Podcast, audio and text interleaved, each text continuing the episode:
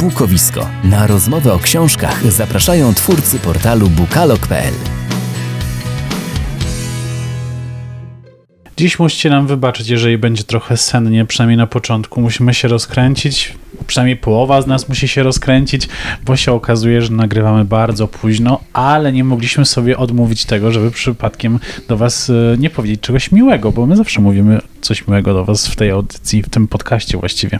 Jerzy Bandel jak zawsze jest z wami przy mikrofonie. I Maciej Januchowski również zawsze, nawet obecność więcej niż 100%. Dzisiaj wyjątkowo słyszymy się w środę, ponieważ wtorek był dla połowy z nas przynajmniej bardzo zapracowany na tyle, że połowa ta nie zdążyła zebrać się na czas, ale przychodzimy oczywiście z wiadomościami, recenzjami, nowinkami ze świata literackiego z ostatniego tygodnia. I nie tylko, będą oczywiście też e, książki, które chcemy Wam polecić na świąteczne prezenty.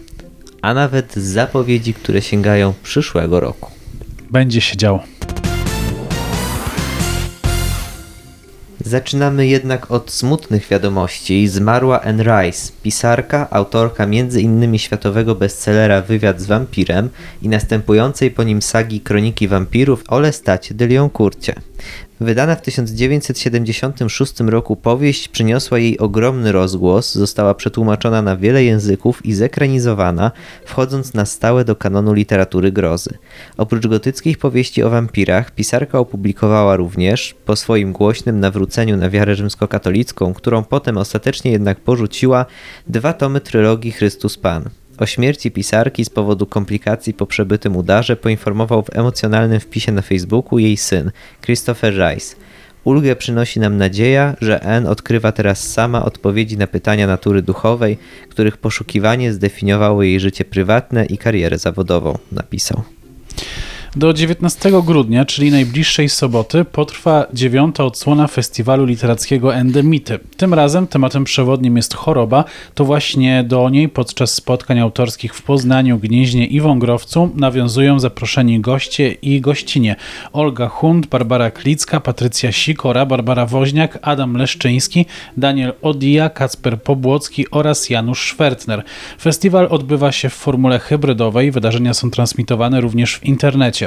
Choroba jest powszechnym ludzkim doświadczeniem, ale niechętnie rozmawiamy o nim publicznie. Niepisany społeczny konsensus zakłada, że chorowanie to sprawa indywidualna, trochę wstydliwa, nie wypada przecież publicznie okazywać słabości, tłumaczy Maria Czarnecka, dyrektorka Festiwalu Literackiego Endemity.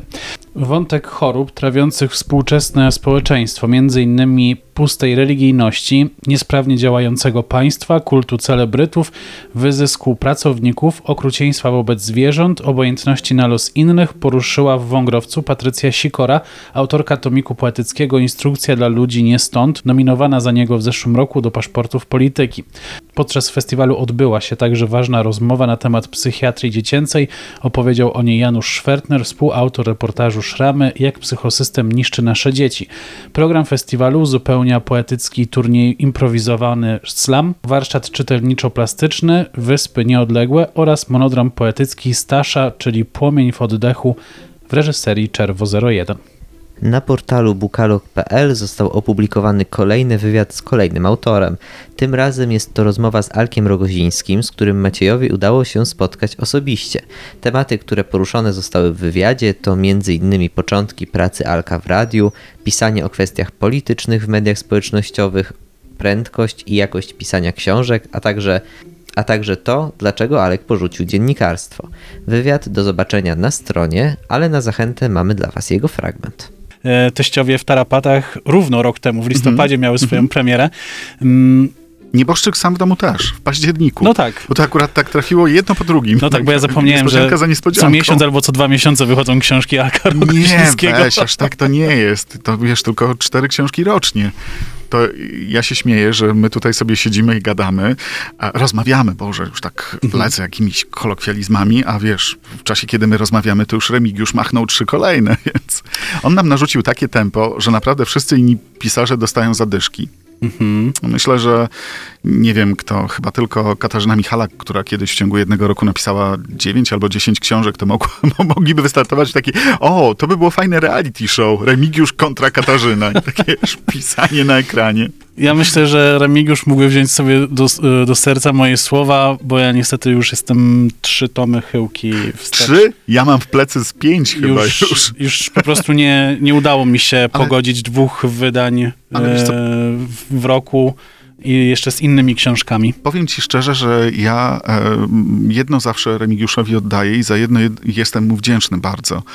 E, co jakiś czas, tak e, historycznie patrząc, ukazują się jakieś e, albo serie, albo pojedyncze książki, które powodują, że umierające powoli czytelnictwo, zwłaszcza w naszym kraju, znienacka przeżywa renesans popularności. Taką książką na pewno kiedyś był Harry Potter, dzięki któremu młodzież e, e, przekonała się, że książka to nie tylko takie ble, co się tam w, w, szkole trzeba przeczytać. Zresztą jak popatrzyłem na nowy kanon lektur, to on jest... Ja nie wiem, czy ja bym...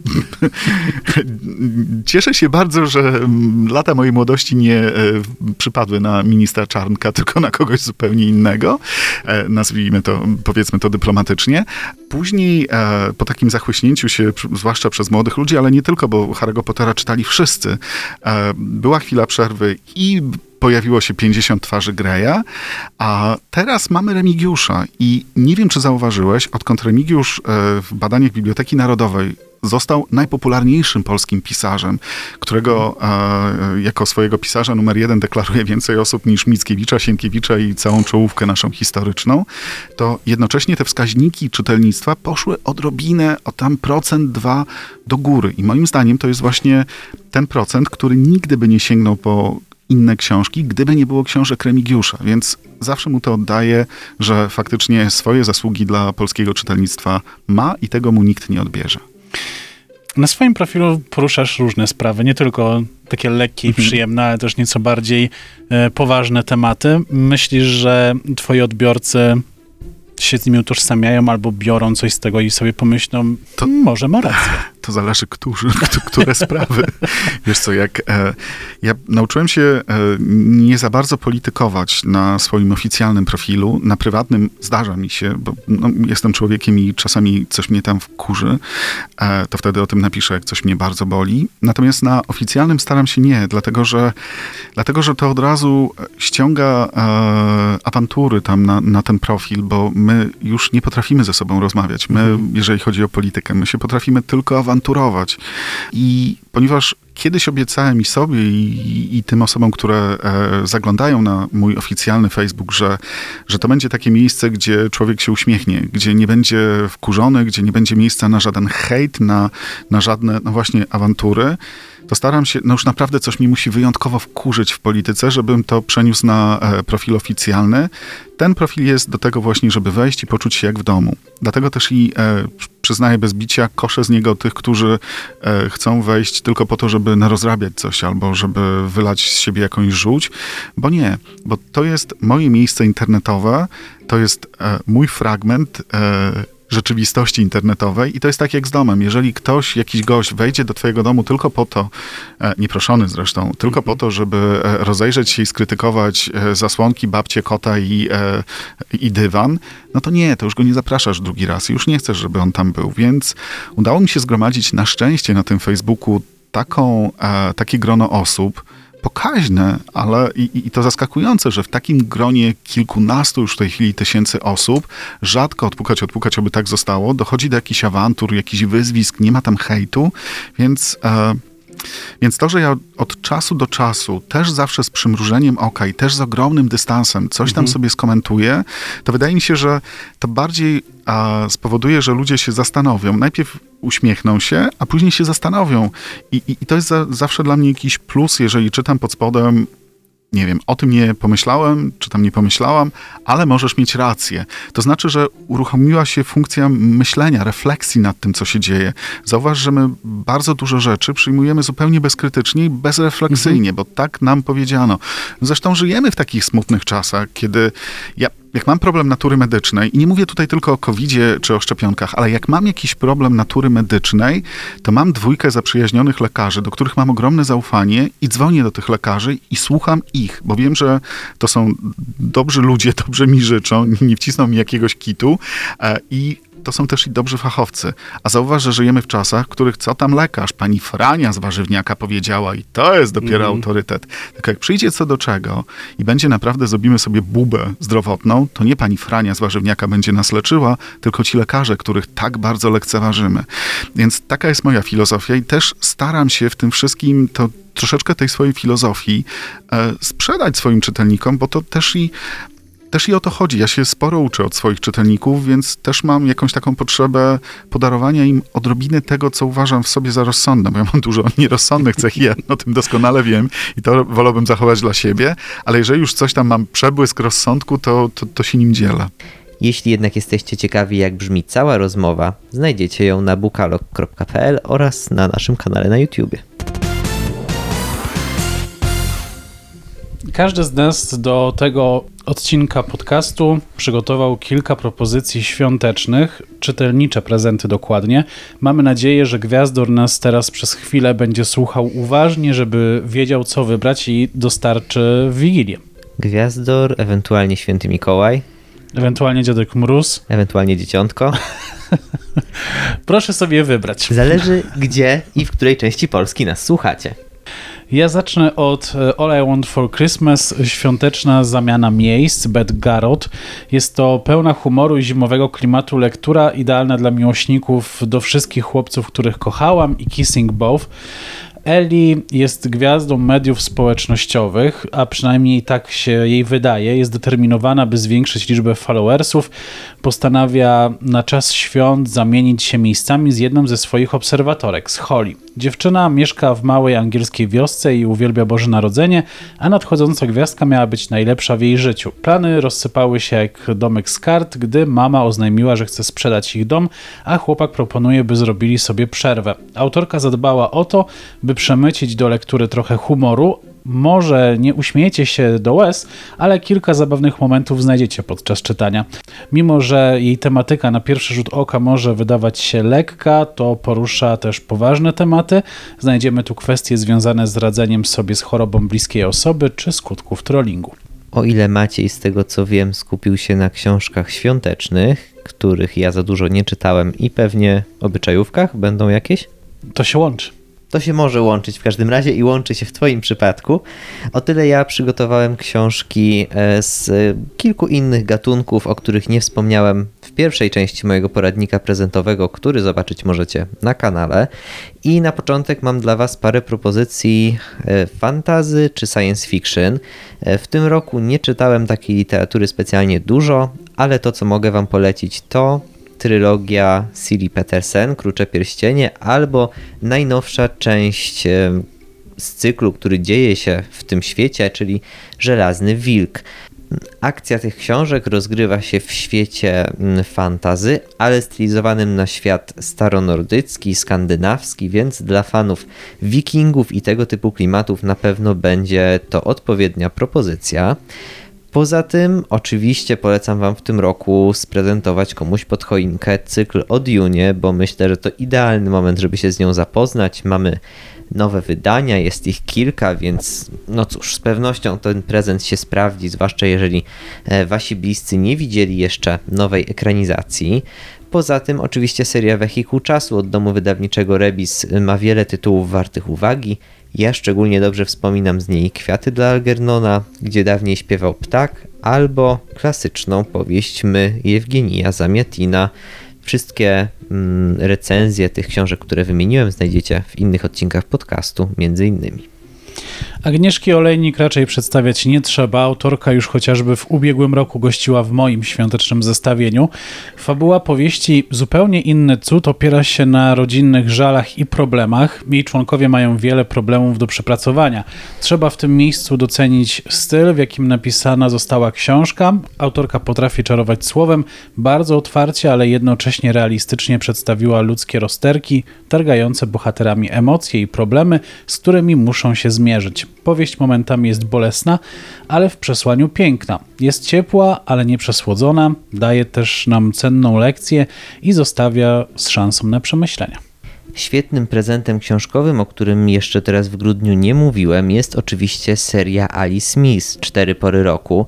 Może nie będzie idealna dla każdego czytelnika, ale z pewnością są tacy, którym ogromnie przypadnie do gustu. Zresztą po moich recenzjach kilkoro z Was y, pisało, że mm, sięgnęliście po ten cykl i podobał Wam się, więc bardzo się cieszę i myślę, że to najlepszy znak, że można też sprezentować go innym. Nie tylko pięknie wygląda i sprawdzi się jako reprezentacyjny prezent, to też będzie można się tym cyklem cieszyć cały rok, czytając kolejne części chronologicznie wraz z nastaniem odpowiednich pór roku, więc to przemyślany i pomysłowy upominek. Renata Kosin to kolejna autorka wydawnictwa Filia, której i w tym roku świątecznej powieści nie zabraknie. Jej tytuł to Dzwonki, Gwiazdki i Słomki. Święta Bożego Narodzenia na wsi to jedno z największych marzeń Matyldy, dwudziestokilkuletniej warszawskiej singielki.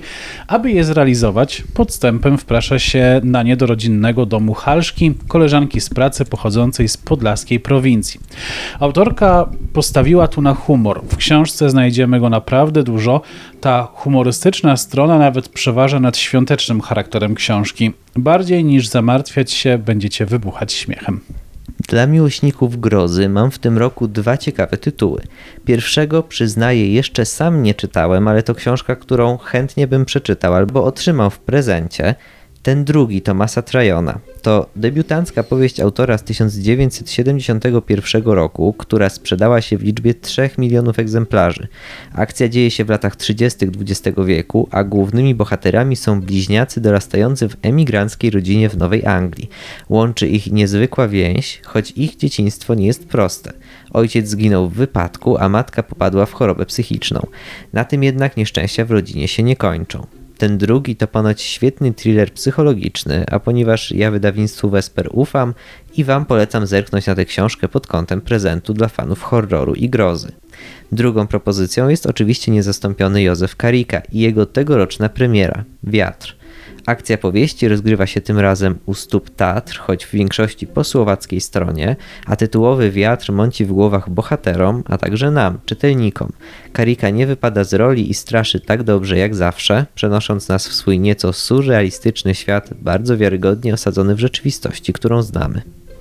Bożonarodzeniowego charakteru nie można odmówić również powieści Drzewko Szczęścia Magdaleny Witkiewicz.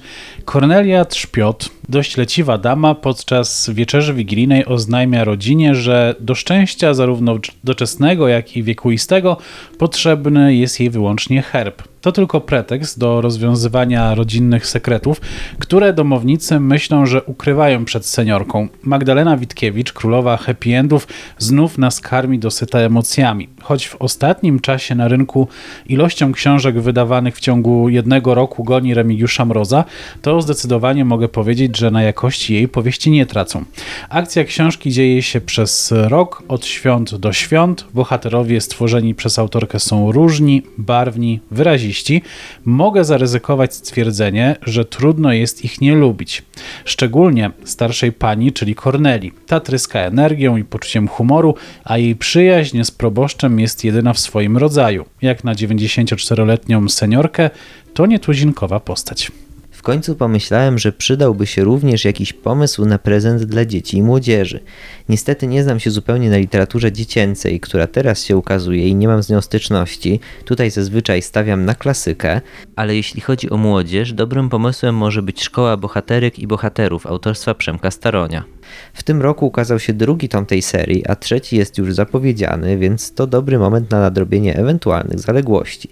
Psycholog i nauczyciel roku w swojej książce opisuje różne problemy, z którymi boryka się, szczególnie w szkole, młodzież i radzi jak stawiać im czoło. A wszystko to z właściwym mu humorem, z odwołaniami do filozofii, literatury, filmów, Myślę, że to naprawdę dobry i pomocny poradnik, w cudzysłowie, bo nawet jeśli to poradnik, to z pewnością nietypowy dla młodych ludzi. To tyle, jeśli chodzi o poradnik prezentowy na ten rok, ale jeśli potrzebujecie więcej inspiracji, to tak jak wspomniałem, pierwsza część poradnika jest już na kanale na YouTubie, tam znajdziecie tych książek jeszcze więcej. A przed nami dzisiaj ostatnia część y, tego odcinka, czyli zapowiedź tygodnia. Raz jeszcze wrócimy tu do wydawnictwa Vesper. Wiemy już, co ciekawego ukazało się w tym roku, więc teraz sięgnijmy trochę w przyszłość. W lutym 2022 roku okaże się pierwsza, choć nie ostatnia w Vesperze powieść Roberta McCamona pod tytułem Zew nocnego ptaka. Akcja rozgrywa się w 1699 roku. Do małej wioski Font Royal w Karolinie, na skraju brytyjskich kolonii, przybywają nie bez problemów sędzia Isaac Woodward i jego sekretarz, a zarazem główny bohater powieści Matthew Corbett. Sędzia ma rozsądzić sprawę Rachel Howard, kobiety oskarżonej o uprawianie czarnej magii i o morderstwa. Po niedawnych wydarzeniach z Salem klimat z pewnością nie sprzyja spokojnemu procesowi, ale czy miasteczko to naprawdę siedlisko szatana, czy też może po prostu, albo aż, bardzo złych ludzi? Miałem już przyjemność czytać Zew nocnego ptaka i choć książka ma swoje drobne wady, ogólnie rzecz biorąc jest naprawdę przyjemną powieścią z interesującą kryminalną zagadką osadzoną w XVII wieku. Czy rozwiążecie ją razem z dociekliwym i nieustępliwym Matthew? Ja będę was do tego zachęcać. To był 69. odcinek naszego podcastu, a to oznacza, że za tydzień będzie 70. Potem robimy sobie krótką tygodniową przerwę. I wracamy do Was w nowym roku z nową energią i nowymi pomysłami. Więc życzenia i te bożonarodzeniowe, jak i te noworoczne będą w przyszłym odcinku, w przyszłotygodniowym odcinku, a tymczasem życzymy Wam dobrego tygodnia. Byli z Wami Jerzy Bandel i Maciej Januchowski. Cześć. Cześć. Podcast Bukowisko znajdziesz na YouTubie, Spotify, Google Podcast i Apple Podcast.